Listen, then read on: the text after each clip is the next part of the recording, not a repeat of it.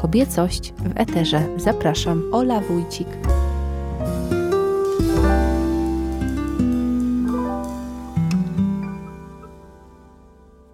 Trzymam w dłoni jeden z takich chyba ważniejszych atrybutów kobiecości. Może będzie słychać, jak otwieram. Charakterystyczne kliknięcie. I jest to czerwona szminka. Przede mną książka Magdaleny Pruszkiewicz Szminka o stylu pięknie i moralności, a naprzeciwko przed mikrofonem siedzi sama autorka książki, absolwentka dziennikarstwa komunikacji społecznej na UW, pasjonatka historii mody i makijażu, wielbicielka sztuki, estetka mieszkająca w Rzymie od roku 2015. Cześć, to ja. Witaj serdecznie, cieszę się bardzo, że się zgodziłaś ze mną spotkać. No właśnie, trzymam w dłoni szminkę, coś takiego nieodłącznego, wydaje się, że zwyczajnego, na pozór błahego, coś, co pewnie znajdziemy w torebce każdej kobiety, może mhm. niekoniecznie czerwoną, mhm. a tutaj cała opasła książka, trzysta kilka stron na temat tej to właśnie prawda?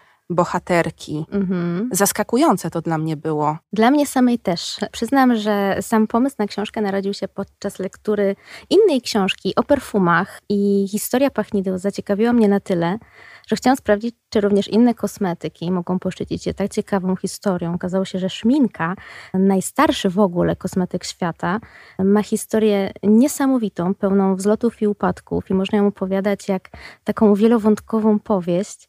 I naprawdę warto było ją zgłębić i warto było spróbować odtworzyć jej wielotysiącletnią historię w książce. No tak, bo pierwsza szminka, tu sobie wypisałam, to było 5000 lat temu i to była królowa, w której grobowcu odnaleziono taką szkatułkę mhm. z czerwonym mazidłem. To jest taka pierwsza szminka, która niemal na pewno była szminką, bo same mazidła, które prawdopodobnie pełniły rolę szminek, były zdecydowanie starsze. Pierwsze takie ślady pomad czerwonawych odnaleziono w jaskiniach w Republice Południowej Afryki i te znaleziska datuje się na 100-125 tysięcy lat wstecz. Ale ze względu na to, że e, nie ma żadnych dowodów pisanych. To są wszystko przypuszczenia, że to były szminki, że to były kosmetyki, które służyły do barwienia ust lub ciała. Natomiast fakt, ta szminka sumeryjskiej królowej niemal na pewno właśnie służyła do koloryzowania ust i właśnie liczę sobie 5000 lat. W grobowcu sumeryjskiej królowej Pułabi, której zresztą imię oznacza usta ojca, to też jest ciekawe. Oprócz czerwonego mazidła znaleziono także pędzelek służący do jej aplikacji. Czy można podejrzewać, jaka była rola wtedy tego kosmetyku? Czy właśnie taka upiększająca, czy może jeszcze jakieś dodatkowe znaczenie miała? Upiększająca na pewno. W ogóle ta rola upiększająca szminki była chyba taka najbardziej pierwotna, najbardziej naturalna. Uważa się też, że służyła przetrwaniu, jako jeden z mechanizmów przetrwania, w sensie uatrakcyjnienie kobiety ale na pewno to nie była jej jedyna funkcja. Najprawdopodobniej w starożytności albo w prehistorii jeszcze wcześniej e, szminka pełniła różne zadania. Służyła upiększaniu, była wykorzystywana w różnych rytuałach o charakterze magicznym, religijnym. Świadczyła też o przynależności plemiennej, służyła również ochronie przeciw działaniu czynników zewnętrznych. Pełniła bardzo, bardzo różne role i też wykonywana była z zupełnie innych składników niż obecnie, bo na przykład były to sproszkowane drogocenne kamienie. Mhm. Tak, w ogóle dawniejsze pomadki, oczywiście poza ich przeznaczeniem, czyli służyły koloryzowaniu warg, ich skład, mimo że bardzo podobny do współczesnego, bo nadal bazę kosmetyku stanowiły woski i oleje, jednak znacząco się różni od tych współczesnych. Dawniejsze receptury, niektóre były niesamowite i myślę, że współczesne kobiety niechętnie nakładałyby je na usta. Bardzo często były to też formuły niekoniecznie bezpieczne zdrowiu. Wykorzystywano różne substancje, nie wiedziano o ich toksyczności. Nie zdawano sobie sprawy, że tak naprawdę zamiast upiększać i zamiast e, pielęgnować skórę, jednak jej szkodziły bardzo. Wykorzystywano również składniki, które niekoniecznie były niezdrowe, ale obecnie uznalibyśmy je za, za dziwne. Za takie, których e, no, nie chcielibyśmy używać. W ogóle, kiedy pisałam tę książkę, zastanawiałam się, którą z dawnych receptur chciałabym wypróbować na sobie. No i, co? Spróbowałaś którejś? Nie, ale tak zastanawiałam sama, sama dla siebie, czy którąś bym chciała.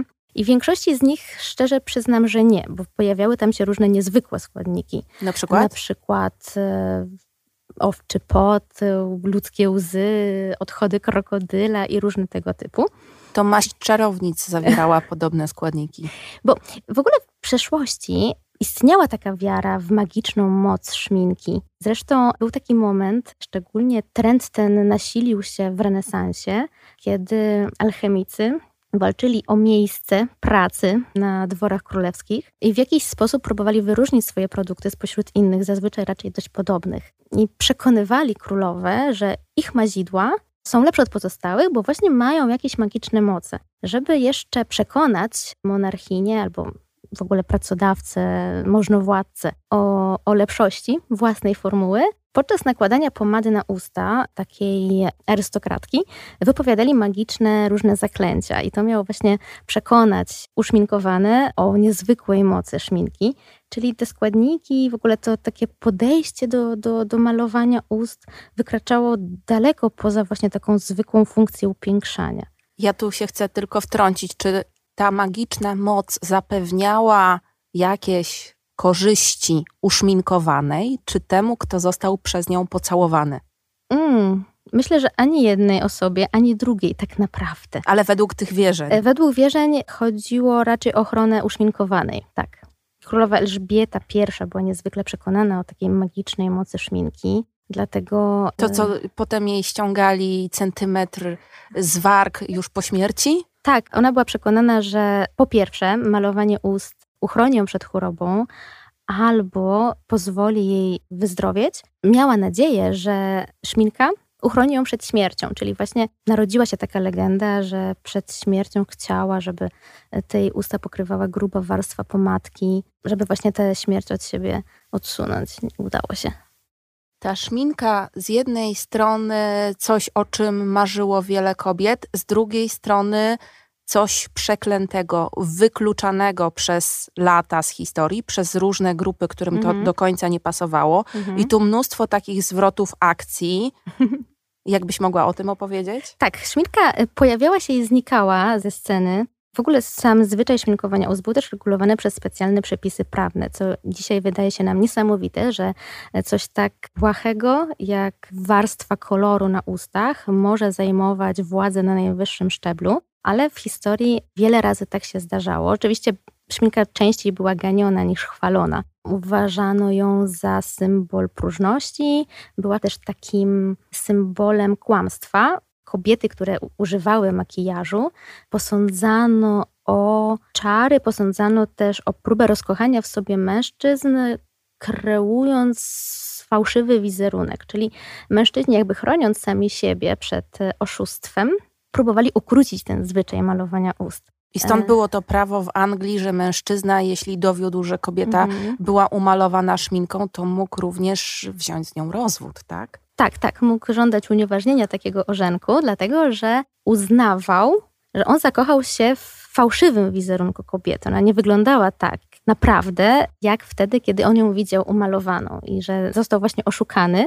Zresztą w ten sam sposób, co szminkę, traktowano również peruki albo buty na obcasie. I kobiety, które rozkochały w sobie mężczyznę właśnie za pomocą tego typu sztuczek, były karane jak za wykonywanie czarów. Co ciekawe, tę szminkę z dumą nosiły sufrażystki podczas protestów, mhm. a później znowu feministki przeciwstawiały się używaniu szminek, więc i nawet tutaj tak. nie ma zgody. Nie ma zgody, dlatego że na początku XX wieku, kiedy feministki pierwszej fali wyszły na ulicę, domagając się pełnych lub częściowych praw wyborczych, szminkowanie ust rezerwowane było dla prostytutek i aktorek. I takie przywracanie szminki przestrzeni publicznej następowało bardzo powoli.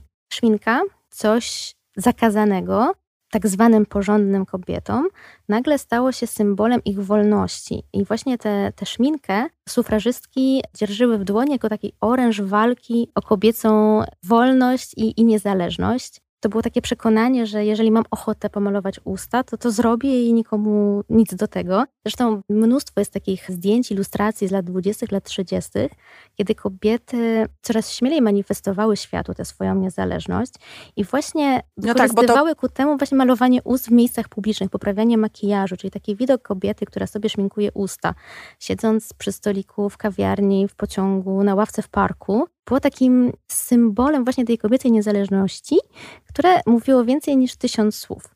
Ale okazało się, że po II wojnie światowej, mniej więcej w latach 50., kiedy wrócił taki tradycyjny obraz kobiecości, matki, żony, opiekunki domowego ogniska, która w pełnym makijażu, doskonałej fryzurze i ubiorze, który podkreślał kobiece kształty, oddawała się z radością e, obowiązkom domowym, to, co wcześniej było taką dobrowolnością i takim manifestem niezależności, nagle stało się obowiązkiem. Czyli tak jakby kobiety wpadły we własną pułapkę. Szminka, która wcześniej symbolizowała niezależność, wolność, w latach 50. stała się symbolem podległości. Stała się symbolem kobiety uległej, zdominowanej przez mężczyznę. I właśnie wtedy, w latach 60., feministki drugiej fali stwierdziły, że my tej szminki nie chcemy, szminka nas uprzedmiotawia. Była taka scena przed wyborami Miss America w Atlantic City chyba, tak myślę, w latach, pod koniec lat 60., kiedy kobiety zaczęły wrzucać na stos różne symbole kobiecego ucisku, czyli właśnie buty na obcasach, biustonosze, szminki do ust, różne magazyny kobiece, czasopisma dla kobiet, jako właśnie coś, o co walczyły wcześniej, ale później to nie było symbolem wolności. Zresztą były też takie zdania, malujesz usta, nie możesz być feministką i tak dalej. Oczywiście koncerny kosmetyczne próbowały przeciwdziałać takiej nagonce na szminkę, mówiąc, że szminka celebruje kobietę wyzwoloną, czyli to nie jest prawda, że taka kobieta uszminkowana również w latach 60. ma być podległa mężczyźnie. Przeciwnie, ona w ten sposób podkreśla swoją pewność siebie i przebojowość. To czerwienienie warg i właśnie czerwone usteczka to jest coś tak zakorzenionego w naszej kulturze. Ty również mhm. tutaj przywołujesz dzieła literackie, które o tej czerwieni warg piszą. Mhm. Z niewiadomych przyczyn ta czerwień już na tych wargach była, nawet tak jakby niezależnie od tego, czy używano tej szminki, czy nie. I to się wiąże no, z takim biologicznym przyciąganiem partnera, tak? Stąd jest ten zwyczaj malowania się czy podkreślania czerwieni to jest, warg. To jest jedna z hipotez. Zastanawiano się, szczególnie w latach 90. poprzedniego wieku, skąd w ludziach, w kobietach szczególnie, bo w historii częściej malowały się kobiety niż mężczyźni, chociaż nie zawsze tak było, że to był. E, to, to o tym za chwilę pogadamy na pewno. zarezerwowana jedynie dla, dla kobiet ale zastanawiano się, skąd właśnie ta potrzeba upiększania się, bo ona wydaje się bardziej wrodzona niż wyuczona. Ten gest nakładania pomadki wydaje się taki niemal oczywisty i tak jakby kobiety właśnie potrzebowały tego zupełnie instynktownie. Tak, prawdopodobnie jest to jeden z mechanizmów służących przetrwaniu, chociaż e, tych powodów pewnie, e, pewnie było więcej. Prawdopodobnie za pomocą makijażu próbowano też podkreślić różnice społeczne, miał na to wpływ moda, w ogóle postrzeganie estetyki, zmieniające się kanony piękna. Sądzę, że trudno jest znaleźć jedną odpowiedź, która dałaby jasno do zrozumienia, dlaczego malujemy usta. Ale te antropologiczne przypuszczenia jednak chyba tutaj pełnią wiodącą rolę.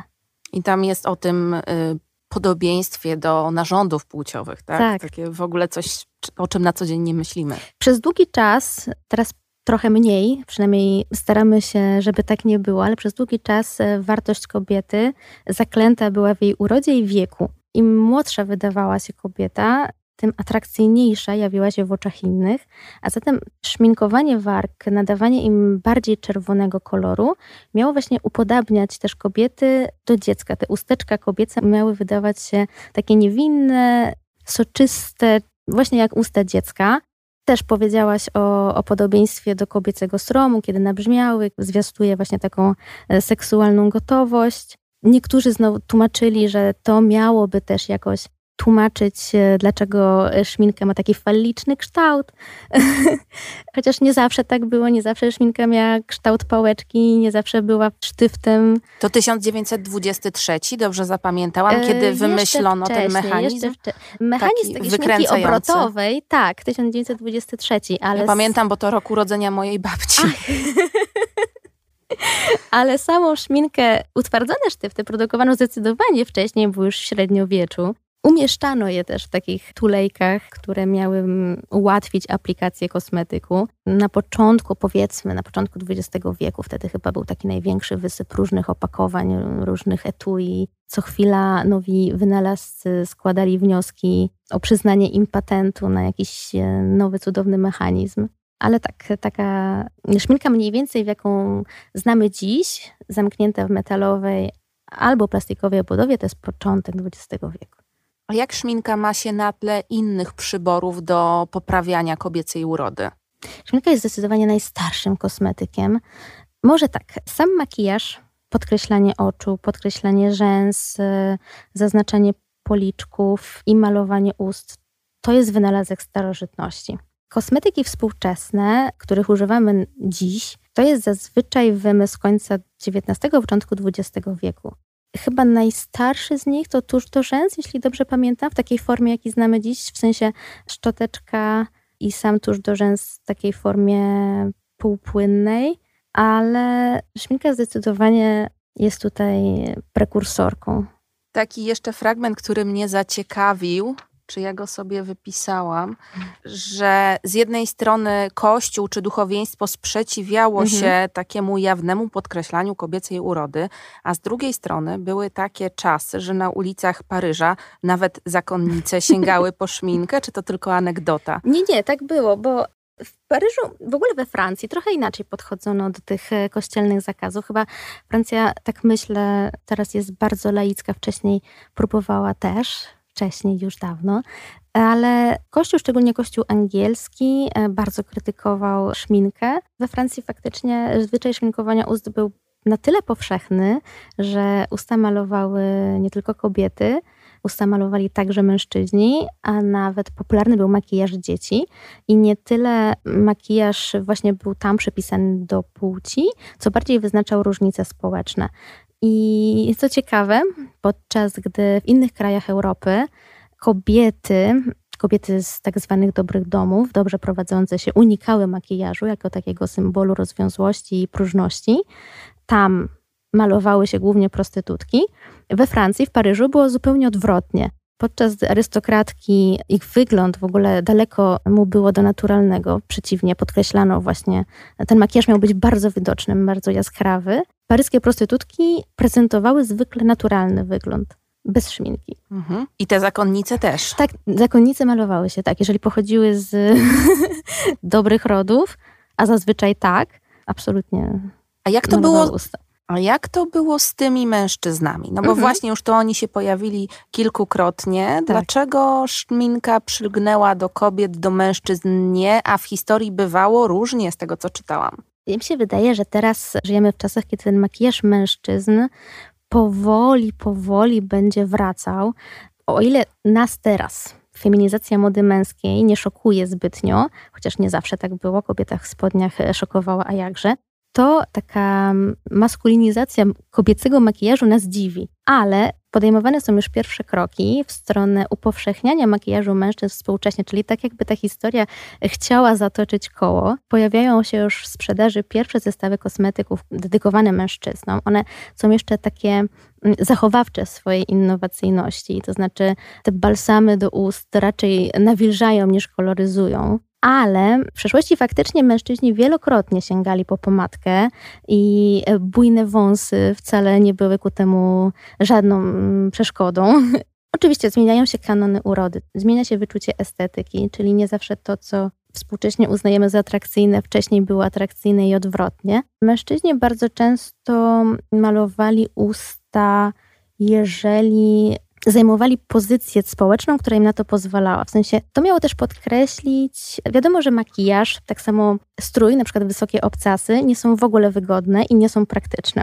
I to korzystanie z makijażu miało podkreślić niepraktyczność tych mężczyzn. To znaczy, że oni nie muszą pracować, czyli mogą pozwolić sobie na makijaż. To samo dotyczyło wysokich obcasów, na przykład im wyższe obcasy męskie i pamiętam, chyba powinny być pomalowane na czerwono. Wtedy okazywało się, że taki mężczyzna nawet nie musi chodzić za bardzo, bo jest noszony. Makijaż mężczyzn miał podkreślać różnice społeczne.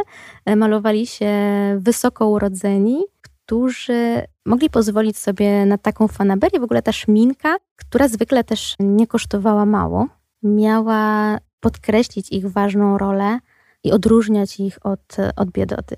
Z takich znanych mężczyzn to na przykład Waszyngton, który ochrzcił rondo w Warszawie. Waszyngton, on prawdopodobnie jedynie nawilżał usta. Taką... No ale ta receptura, tak. zmiksowane tak. rodzynki przez tak. żonę pieczołowicie. Tak. tak, tak. To była taka specjalna receptura na pomadę taką nawilżającą. Składało się kilka składników, w tym właśnie rodzynki, na pewno cukier, na pewno spermacet, na pewno alkanna barwierska. Ona prawdopodobnie była troszkę barwiąca. Tak, służyła głównie ochronie skóry ust przed e, wiatrem, przed e, kurzem. Niekoniecznie barwiła wargi, ale tak, na pewno Waszyngton pokrywał nią usta.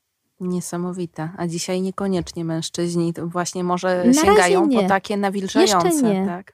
na nawilżające chętniej, na te koloryzujące jeszcze nie. Zobaczymy, co przyniesie przyszłość takie upowszechnienie i wylansowanie szminki, zwłaszcza tej w ostrych kolorach, mhm. związane jest tak naprawdę z upowszechnieniem się kina i teatru. W ogóle najprawdopodobniej szminka narodziła się jako szminka czerwona albo różowa, albo pomarańczowa, czyli ona od początku miała dosyć intensywne kolory. Takie szminki w delikatnych, pastelowych kolorach to dopiero wymysł lat 60. Wcześniej one zwykle były dość ciemne, a te właśnie w czasie złotej ery Hollywood były szczególnie ciemne. I faktycznie tak było. Kino przyczyniło się do powszechnienia makijażu w sposób niesamowity. Kobiety, które zasiadały w kinie i patrzyły na kobiety tak doskonale umalowane na wielkim ekranie, nagle poczuły, że makijaż to nic złego, i one nie tylko chcą, ale wręcz powinny się malować. Pojawiło się wówczas e, mnóstwo artykułów prasowych, które dokładnie opisywały makijaż ulubionych gwiazd epoki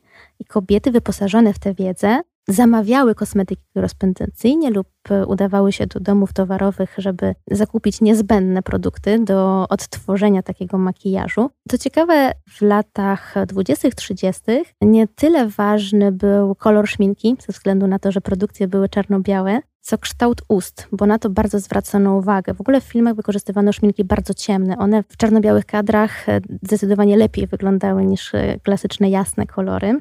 W ogóle na ten czas datuje się również wynalazki takie jak konturówka i błyszczyk. Konturówka niesamowicie w bardzo prosty sposób pozwalała uzyskać niemal dowolny kształt ust. Bez bardzo... używania botoksu na przykład. Wtedy jeszcze chyba nikt o tym nie pomyślał, ale tak, w ogóle konturówka była genialnym wynalazkiem. Ją też reklamowano jako coś tak bardzo prostego.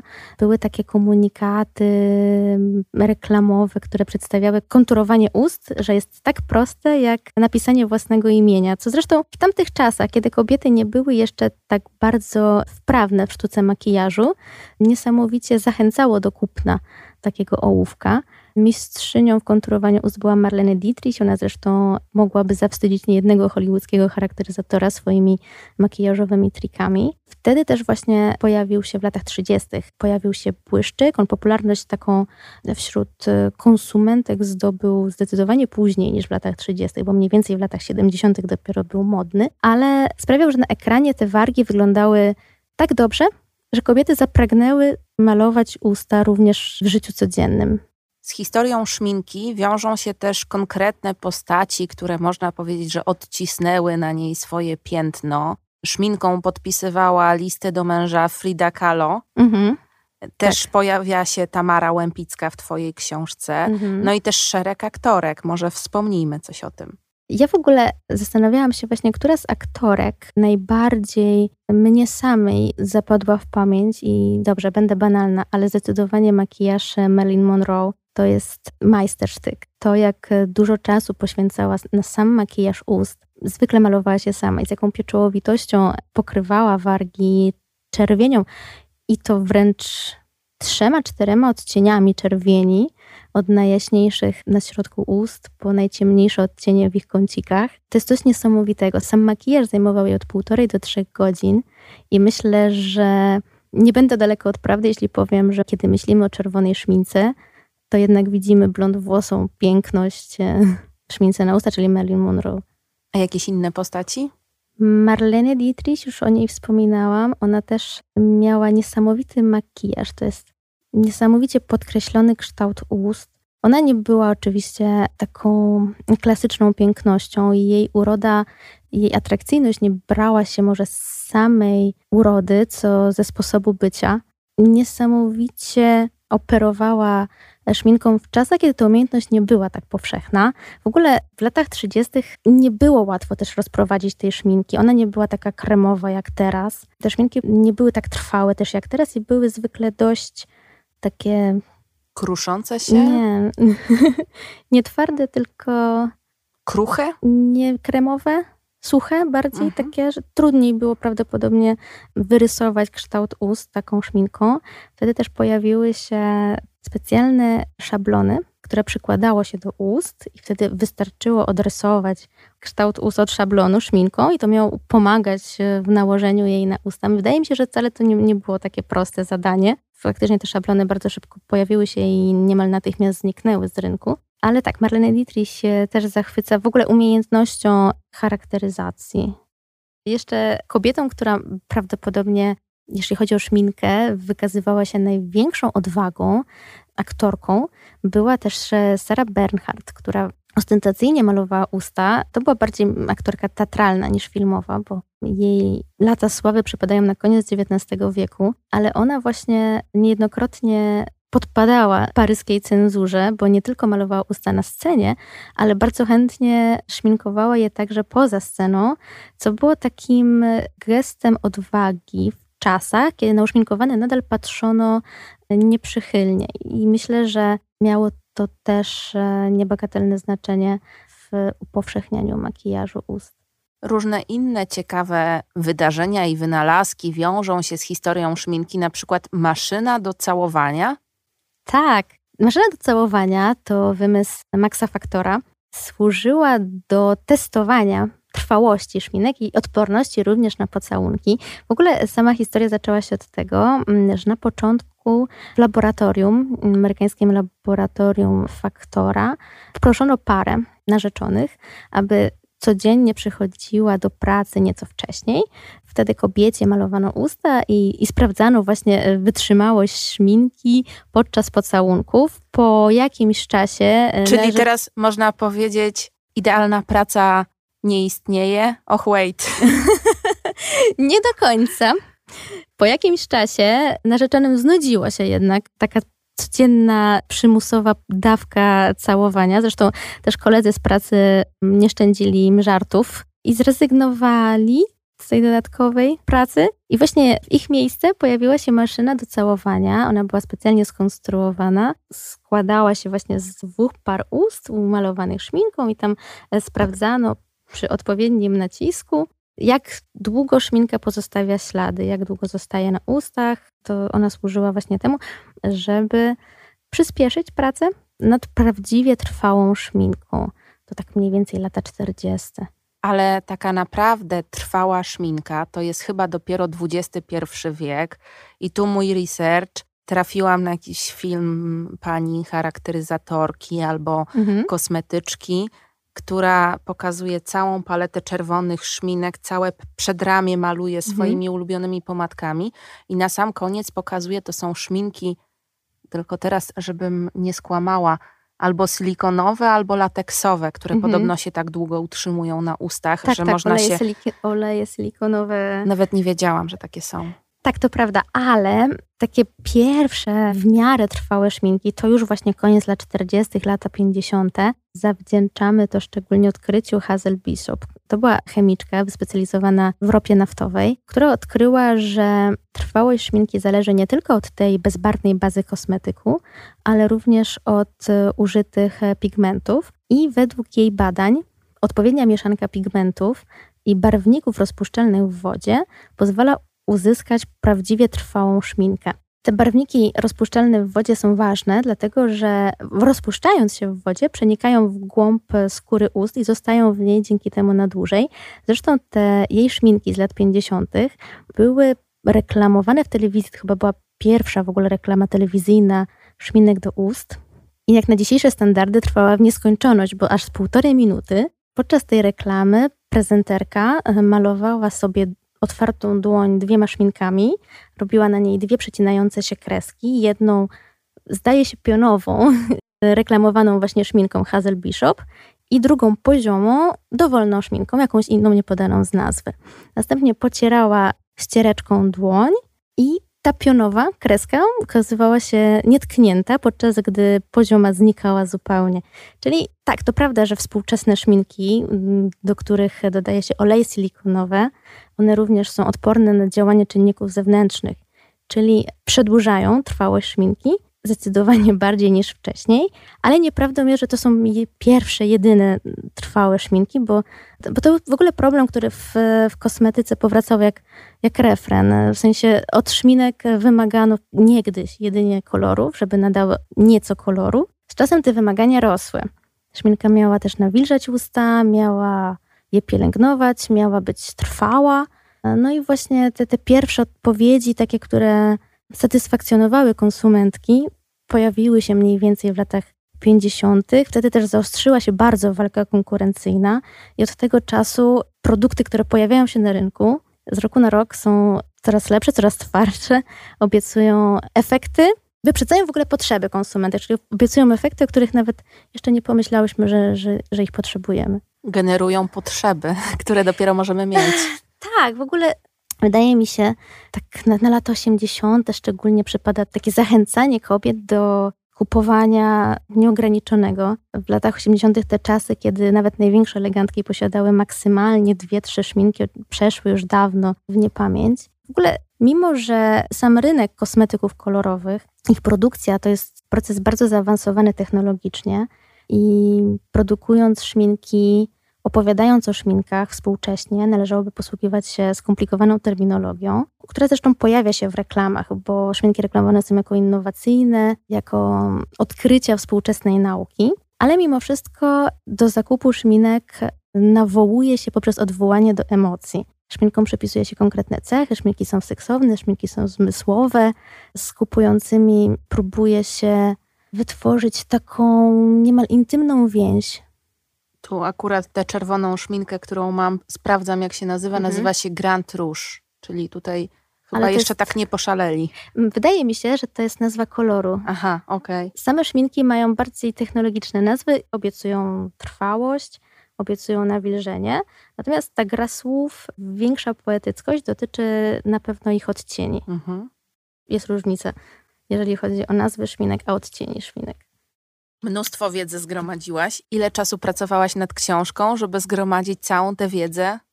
Myślę, że pracy łącznie ze zbieraniem dokumentacji i opracowywaniem tej dokumentacji to było jakieś trzy lata. Wcale nie wow. mało. Tak. mhm. Też ciekawy jest taki wątek, bo mówimy tu o seksapilu, mhm. o podkreślaniu urody, o tej walce o szminkę, o zmieniającym się podejściu poszczególnych grup społecznych, ale ciekawe jest takie poszukiwanie w szmince czegoś, co powie o naszej godności, przyda jej nam w trudnych czasach. To jest ciekawy wątek. Tak. E, szminka jest, szczególnie w czasie II wojny światowej, nagle z akcesorium kobiety niemoralnej stała się akcesorium patriotki, akcesorium kobiety, która wierzy w rychłe zwycięstwo. I ona symbolizowała taką normalność z czasów przedwojny, dodawała otuchy i faktycznie to szminkowanie ust, gest wyjątkowo trudny w czasach reglamentacji, niełatwo było zdobyć nową szminkę, stała się takim właśnie symbolem normalności. Była też w Europie i w Stanach Zjednoczonych także jawnym gestem pogardy wobec polityki Hitlera, który e, uszminkowanych kobiet e, nienawidził. Oczywiście kobieta zadbana w pełnym makijażu nijak miała się do wizji kobiety głoszonej przez partię nazistowską. W ogóle Mnóstwo jest takich opowieści z czasów II wojny o kobietach, e, które szminkowały usta. Nawet jest też taka scena w filmie Hitchcocka, Łódź ratunkowa z 1944 roku. Jest to jego jedyny film wojenny. I na tej łodzi ratunkowej znajduje się dziewięcioro rozbitków, sześć mężczyzn i trzy kobiety. Oni uratowali się z statku, który zatonął uderzony nazistowską torpedą i kobieta, jedna z kobiet, która znajduje się na tej łodzi, właśnie takim zachłannym gestem szminkuje usta, znajduje w tej czynności ukojenie.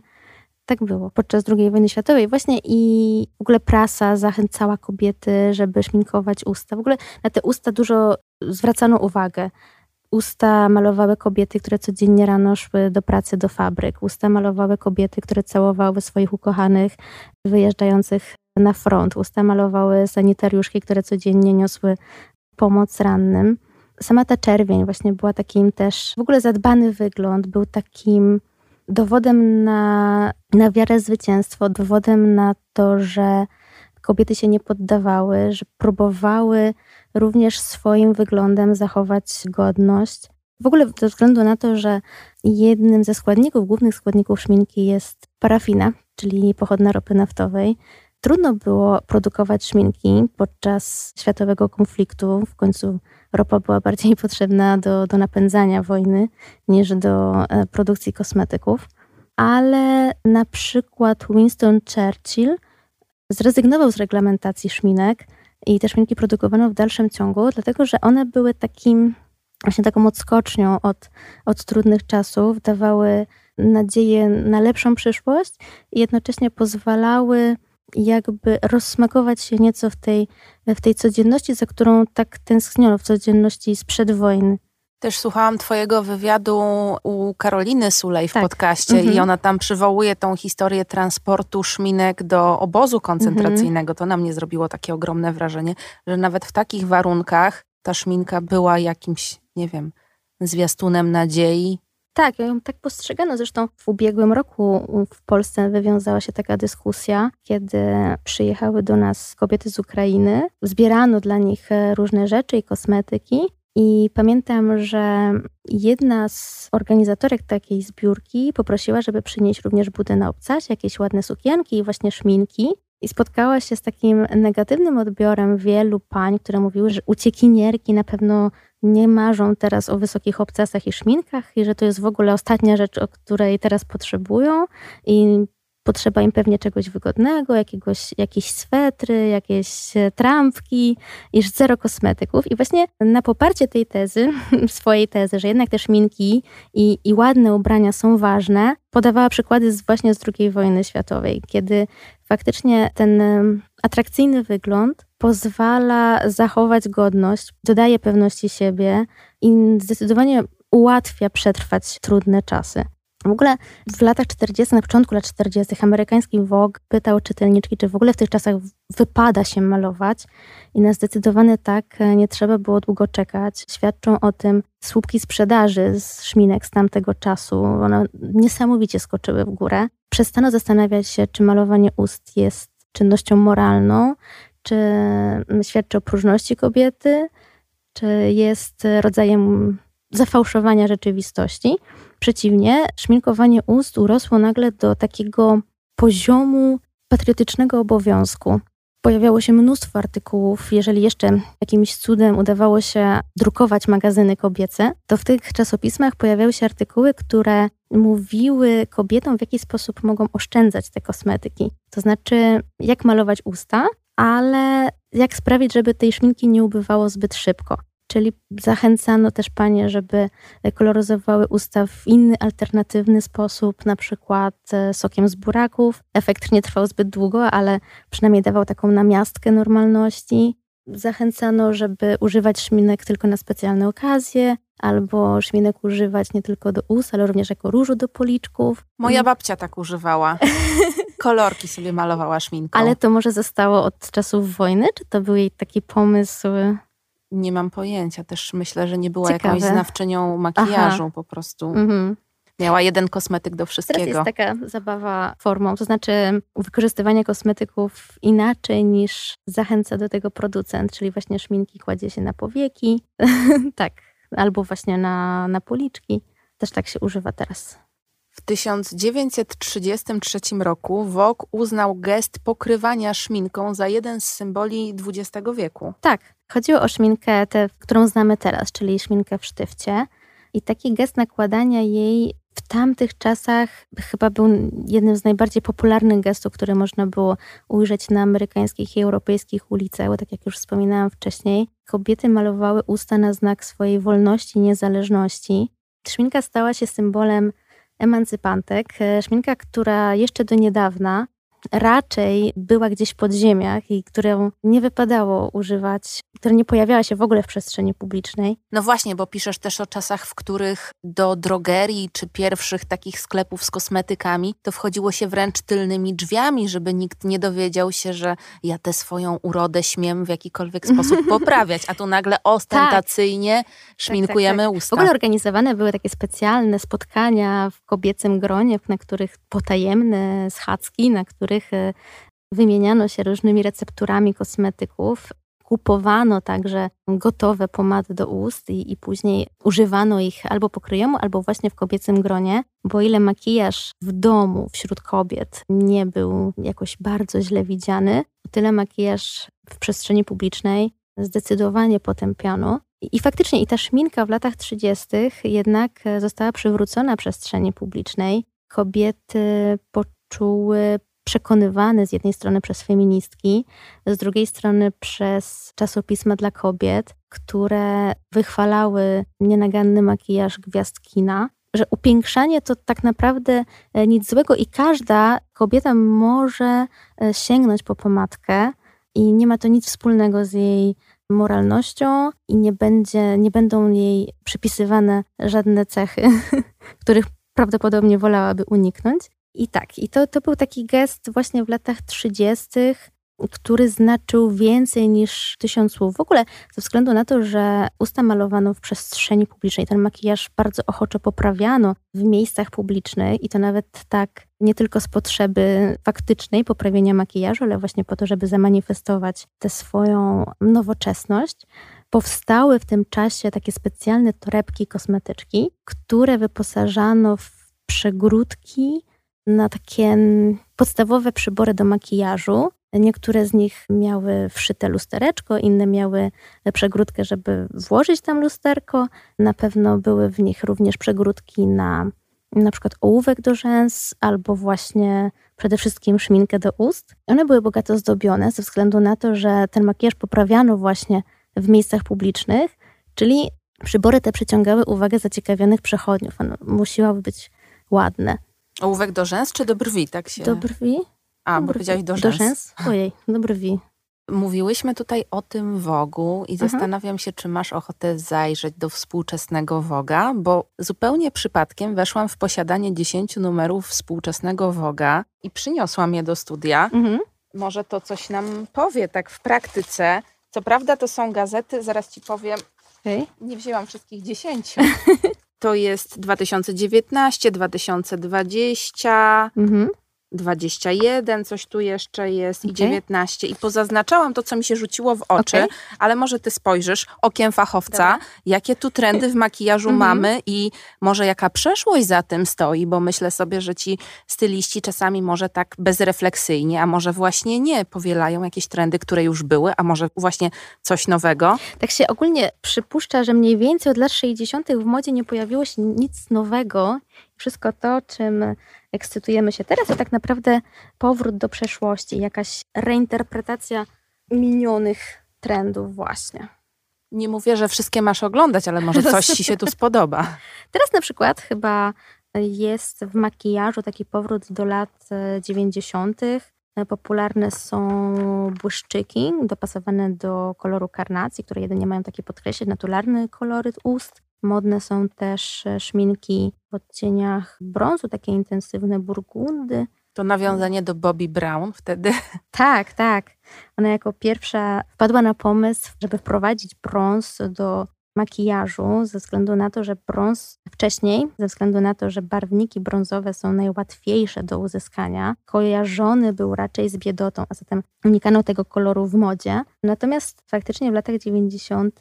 Bobby Brown zadebiutowała w ogóle kolekcją szminek w takich odcieniach. Zresztą wydaje się, że to nawiązanie do brązu w latach 90. to trochę jakby taka postawa skruchy wobec ekscesów poprzedniej dekady, wobec festiwalu przesytu lat 80. i trochę tak jakby w ramach pokory za przesadę poprzedniej dekady odwołano się do koloru ascezy. Z drugiej strony to na pewno nawiązanie także do odradzającej się kultury kawy w latach 90. Niektóre marki kosmetyczne przygotowywały zresztą kolekcje szminek, które brały swe nazwy od różnych rodzajów kaw.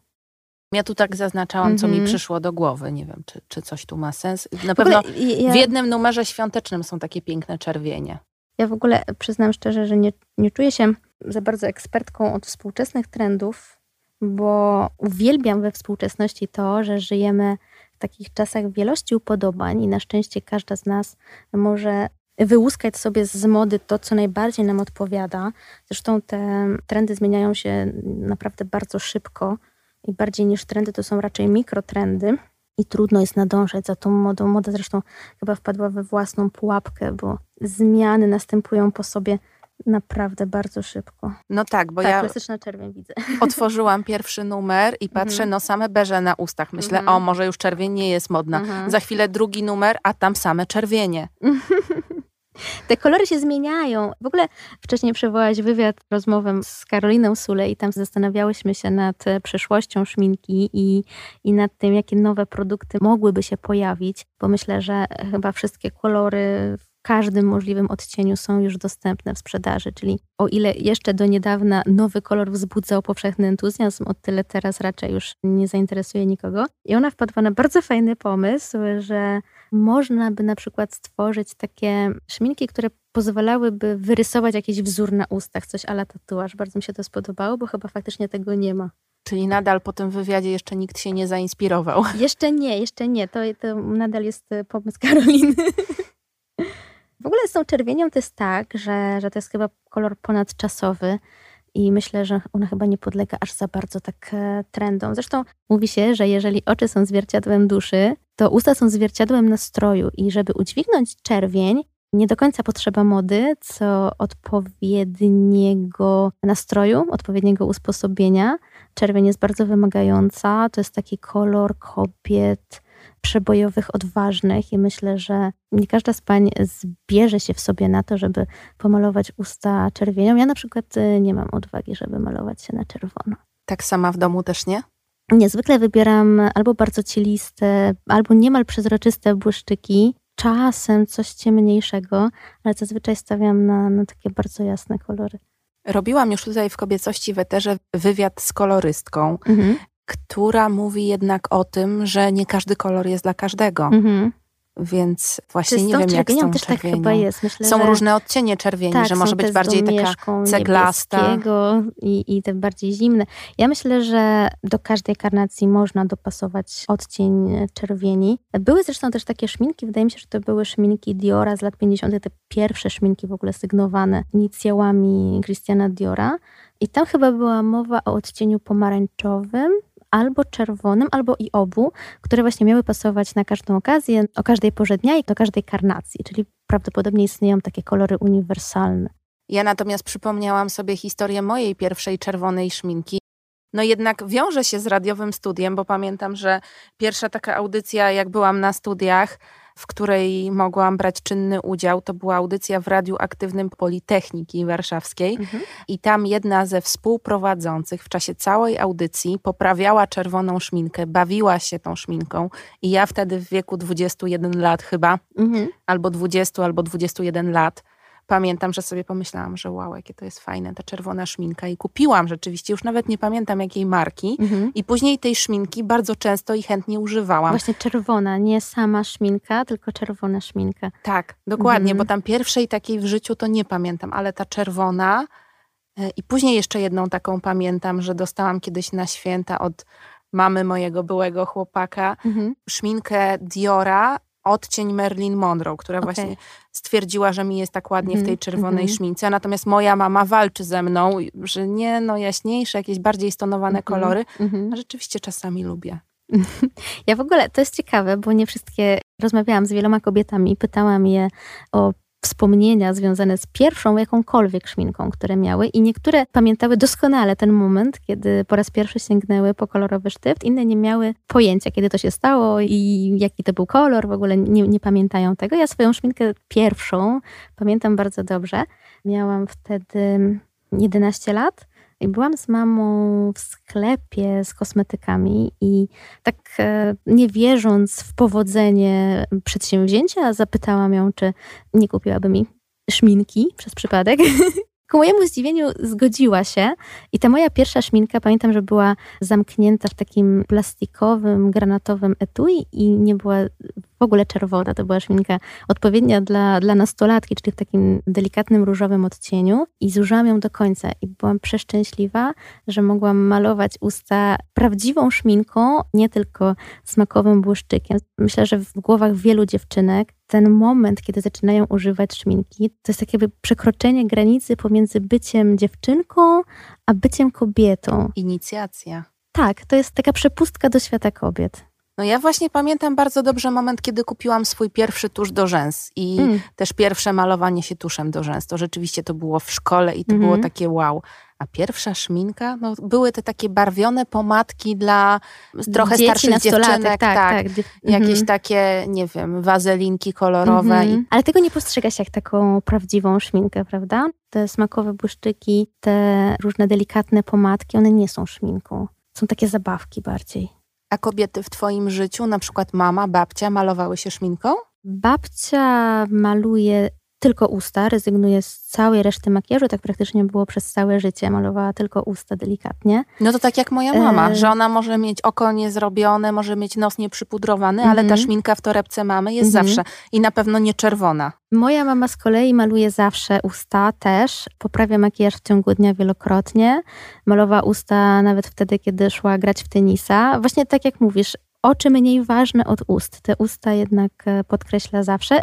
Szminkami w kolorach zdecydowanie bardziej intensywnych od tych, których używam ja. Są zwykle e, ciemniejsze, ale to może też dlatego, że sama ma ciemniejszą karnację, one się lepiej komponują z jej wyglądem. Ale tak, obraz kobiety, matki malującej usta mam e, głęboko zakorzeniony. Pytam zawsze też gości, gościnie mojego podcastu o to, czym jest dla nich kobiecość. Ja bardzo lubię takie definiowanie kobiecości e, codziennie na nowo. Lubię czuć się wolna, e, nie lubię zamykać w ramach żadnych. W sensie dla mnie kobiecość to możliwość decydowania o samej sobie, nie tylko o tym, jak wyglądam, ale również o tym, co mówię i, i czym się zajmuję. I myślę, że ze względu na to, że zajmuję się właśnie historią makijażu i historią mody, która jest doskonałym pretekstem do tego, aby rozmawiać o równouprawnieniu, o emancypacji. Jestem szczęśliwa, że żyję w miejscu i czasie, które pozwala mi dysponować czymś, o czym dawniej kobiety jedynie marzyły, czyli wolnością wyboru. I dla mnie ta kobiecość teraz jest właśnie tym. No To piękne, co mówisz, bo mam jedną z przyjaciółek, która fascynuje się filmami, serialami kostiumowymi, tą dworską elegancją, Mhm. tymi obyczajami, też taką kurtuazją wobec kobiet. Ja jej zawsze wtedy zwracam uwagę na to, że to nie wszystko, że też była ciemna strona tego. Oprócz tych sukni, tych krynolin, tych Mhm. halek, gorsetów i tak dalej, dam dworu, no to tam było coś jeszcze. Tak, A dzisiaj tego nie ma i Mhm. mamy tę wolność. Mhm. Myślę, że to jest dużo ważniejsze od, e, od krynolin i starannie ułożonych fryzur. Wolność. A czy te twoje poszukiwania, kwerendy biblioteczne, Mhm. e, researche związane właśnie z modą, z urodą, tobie samej też dostarczyły jakichś rozwiązań czy inspiracji? Myślę, że pozwalają jeszcze bardziej docenić tę wolność, o której rozmawiamy. Uzmysławiają mi, że nie wszystko jest takie oczywiste i dane raz na zawsze. To też jest ważne, że prawa pojawiają się i znikają. I jeżeli teraz dysponujemy prawami, musimy zrobić wszystko, żeby nam ich nie odebrano, bo to nie jest takie oczywiste i, nawet e, takie błahostki właśnie jak strój czy makijaż w efekcie błahostkami nie są i również to prześladowanie może dotyczyć nawet czegoś tak zupełnie nic nieznaczącego jak powierzchowność. Żyjesz na co dzień we Włoszech, w Rzymie mhm. i czy dostrzegasz jakieś różnice pomiędzy Włoszkami a Polkami? Ja zawsze zastanawiam się, skąd biorą się te opisy eleganckich Włoszek, zadbanych, które świadomie kreują swój wizerunek, bo przyznam, że na ulicach ich nie spotykam. Mam niezbyt dobre zdanie na temat stylu Włoszek które wydają mi się nieco zaniedbane, nieco niechlujne, albo przeciwnie, zadbane aż nadto, przez co wydają się nieco wulgarne. Nie, jeżeli chodzi o szukanie inspiracji, o kobiety, które mogłabym e, podziwiać, to szukałabym ich daleko od Włoch. Czy zdradzisz, nad czym obecnie pracujesz? Teraz zajmuję się historiami najbardziej e, popularnych e, elementów kobiecej garderoby i spróbuję udowodnić, że moda to nie tylko błahostka i to nie tylko zwykła zmiana dla zmiany. Te zmiany biorą się z różnego rodzaju przyczyn i mają dużo większe znaczenie niż zwykło się uważać. Hmm, czyli cały czas pozostajesz w kręgu kobiecym, można powiedzieć. Tak, niewątpliwie. To czego ci życzyć na koniec? Pomysłów na nowe książki i, i tego, żeby trafiały one w ręce czytelników. W ekonomii jest jeszcze coś takiego jak efekt szminki? Tak. O efekcie szminki ekonomiści mówią różnie. Niektórzy sypią danymi z rękawa, które potwierdzają tę teorię, że on naprawdę istnieje. Inni twierdzą, że tych danych brakuje i nie można go potwierdzić. Ale z całą pewnością efekt szminki psychologowie uważają nie tyle za obecny, istniejący, co wręcz oczywisty. Efekt szminki opisuje różne reakcje kobiet i mężczyzn na sytuacje kryzysowe. Według tych założeń kobiety postawione przed sytuacją trudną, finansową, taką, która każe im dokonać wyboru albo zrezygnować z pewnych zakupów, skłonne są do zakupu szminki właśnie. Traktują ją wtedy jako taką namiastkę luksusu, pozwala im poczuć, że przynależą do, do elit i pozwala też im zaspokoić potrzebę konsumencką, potrzebę kupowania stosunkowo niewielkim kosztem. Współcześnie efekt szminki mówi się, że jest powoli wypierany przez efekt lakieru do paznokci, a kiedy rozpoczęła się pandemia nowego koronawirusa, z kolei nowym efektem, takim nowym wskaźnikiem był efekt tuszu do rzęs. Ale w każdym razie tak, efekt szminki sprowadza się do tego, że kobiety w sytuacji kryzysowej chętniej kupują szminki, w ogóle kosmetyki kolorowe niż inne rzeczy. To w takim razie wszystkich zainteresowanych zapraszamy do książki Magdaleny Pruszkiewicz Szminka o stylu pięknie i moralności. Naprawdę pięknie wydana pozycja, przebogata i przepełniona wiedzą. A moim gościem była sama autorka Magdalena Pruszkiewicz, pisarka, absolwentka dziennikarstwa, estetka, Możemy też zaprosić na Twoje social media, jeśli chcesz. Mogę zaprosić wszystkich na Instagrama mojego Magda Podkreślnik Pruszkiewicz. Dziękuję serdecznie i mam nadzieję, że do zobaczenia. Dziękuję bardzo.